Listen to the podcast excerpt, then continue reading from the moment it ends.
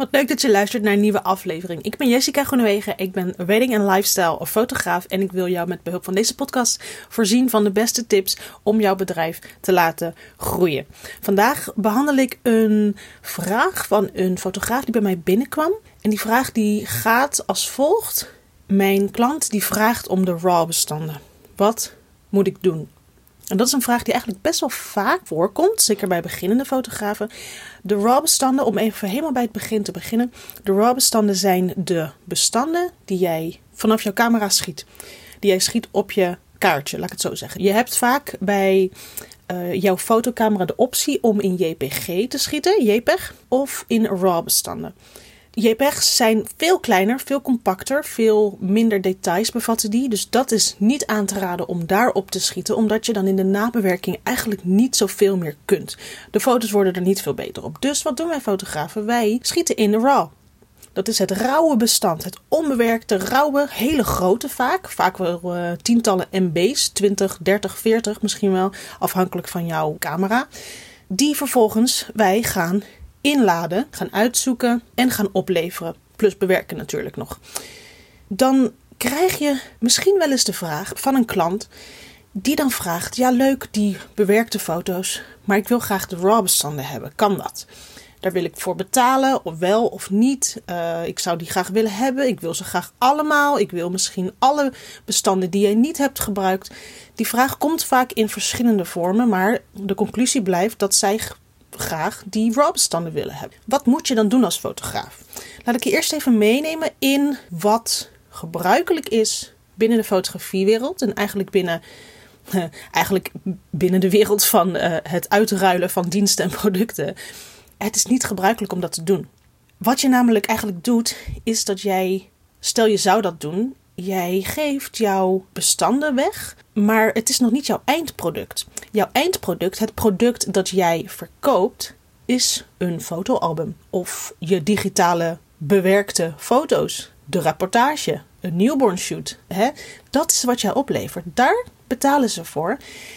En eigenlijk niet voor die RAW-bestanden. Dat is gewoon in het proces komen die langs bij jou. Maar dat heeft niets te maken met het eindproduct. Dat is geen onderdeel van het eindproduct. Ja, je krijgt het, het eindproduct is bij mij 50 uh, bewerkte foto's en de RAW bestanden. Nee, dat staat niet op je website zo. En waarom is dat nou zo ongebruikelijk? Omdat eigenlijk de klant hierin best een beetje bij de hand is en vraagt om die bestanden, om er waarschijnlijk zelf nog iets mee te gaan doen. En dat is natuurlijk niet gebruikelijk, omdat wij als fotografen ons creatieve brein, onze creaties komen uit onszelf. En dat is wat de klant afneemt. Dat is waarom iemand kiest voor jou. En wanneer je dan zou overwegen om die RAW-bestanden te geven, ga je eigenlijk helemaal weg vanuit dat standpunt van hè, wat ik maak is mooi en dat wil jij hebben als klant. Die klant die gaat daar helemaal dwars doorheen en die breekt eigenlijk al die dingen door en die wil gewoon de RAW-bestanden. En waarom is dat nou bijvoorbeeld dus? Hè, ik probeer even een voorbeeld. Ik zei net dat het dat het eigenlijk overal zo werkt. Um, bij de bakker. Dat, dat voorbeeld wordt heel vaak gebruikt bij dit soort discussies hierover. Het eindproduct van de bakker is dat brood. Dat kant-en-klaar gebakken is, gaat in een zakje, krijg jij mee, betaal je voor. Maar als jij zegt, ja, heel leuk dat brood, maar kan ik niet gewoon het deeg krijgen? Dan bak ik het thuis wel af. Dat is niet hoe het werkt, lieve schatten. Dat, is toch, dat, dat klinkt ook heel logisch waarschijnlijk in jouw oren. Maar je snapt het principe. Het is niet het eindproduct het doel van die RAW-bestanden hebben is ook niet vaak heel erg dat je zegt ja, ja. Want ze gaan vaak er zelf mee aan de haal. En dat is natuurlijk ook niet de bedoeling. Want dan passeer je iemand zijn vak. Dan passeer je die persoon eigenlijk letterlijk. Jij doet jezelf er echt geen plezier mee wanneer je zegt: Ja hoor, die RAW-bestanden, geef maar mee. Er zijn natuurlijk uitzonderingen waar dit wel gebeurt. En dat is nou ja, een voorbeeld wel dat iemand om het RAW-bestand vraagt van één specifieke foto, omdat ze er iets mee willen doen voor een advertentie of een commercieel bedrijf, of die wil het zelf. Hè? Maar dat is natuurlijk afhankelijk van wat voor afspraak jij maakt met uh, de klant die je hebt. Ik heb het nu vooral over particuliere klanten. Daar is het ik wil, ik wil niet zeggen, daar is het gebruikelijk dat ze dat vragen. Het komt daar wat vaker voor dat ze vragen om die RAW-bestanden. Terwijl dat natuurlijk helemaal niet de bedoeling is dat je die vrijgeeft. In de commerciële wereld kan het best zijn dat jij je uh, binnen je afspraak verwerkt dat je iets doet met die RAW-bestanden. Maar dat is dan vaak een totaal andere afspraak die je maakt. Dan is, het, dan is het het doel dat zij er iets mee doen. En dan moet je goed beseffen dat je natuurlijk een andere prijs rekent. Sowieso voor commerciële bedrijven geldt vaak al een andere prijs. Maar ook het feit dat jij jouw RAW-bestanden meegeeft, is ook ontzettend veel waard. Dus daar moet je je ook niet op verkijken. Mocht je in die situatie zitten. Deze aflevering van Jessica's Photo Business Podcast wordt mogelijk gemaakt door mijn Academy Shop. De webshop waarin jij de tools vindt om nu eindelijk te stoppen met aanklooien en juist nu die doelen gaat binnenharken. Ga snel naar academy.jessicagroenewegen.nl of ga naar de link in de show notes. Goed, los daarvan. Dat is het verhaal van het wel of niet raw bestanden geven. Het is dus ongebruikelijk om dat te doen binnen deze wereld. Er zijn heel veel discussies over hoe je die vraag van een klant kunt beantwoorden. Nou, als jij bijvoorbeeld dus, uh, meestal is dat, nou ja, dat verschilt misschien. Meestal is dat na het opleveren van de foto's dat je die vraag misschien krijgt. Misschien is dat al tussendoor. Misschien is dat al zelfs aan het begin. Dat iemand vraagt, ja, ik wil graag bij jou een shoot doen, maar ik wil graag de, de RAW bestanden. Kan dat? Afhankelijk van wanneer jij dat, die vraag krijgt, hoe moet je daarop reageren? Ten eerste wil ik dat jij zelf nadenkt over hoe jij daarin staat. In mijn ogen ben je natuurlijk altijd nog vrij om zelf te kiezen wat je doet. Wil jij je hele raw kaartje naar ze toesturen? Doe er wat leuks mee. Als jij daar 100% achter staat, dan ben ik niet degene die kan zeggen tegen jou: nee, dat mag niet. Je bent zelfstandig wat dat betreft. Je bent eh, baas over je eigen handelingen. En als jij dat heel graag wil doen, moet je dat doen. Alleen je helpt jezelf er niet mee. Nogmaals, het is niet in het belang van het vak, in het belang van jou, in het belang van je eigen creativiteit om dat zo maar klakkeloos te doen. Dus wanneer jij ervan overtuigd bent dat dat niet een onderdeel is van jouw diensten en dat het dus niet mogelijk is, dan kun jij dit eigenlijk op een heel zakelijke en rustige manier uitleggen aan de klant dat dit niet gebruikelijk is en dat het daarom ook niet mogelijk is. Het is geen onderdeel van mijn pakket. Het is een product dat nog niet af is en dat is helaas niet af te nemen bij mij. Vandaar dat dat niet in mijn aanbod zit en ik ook nee zeg.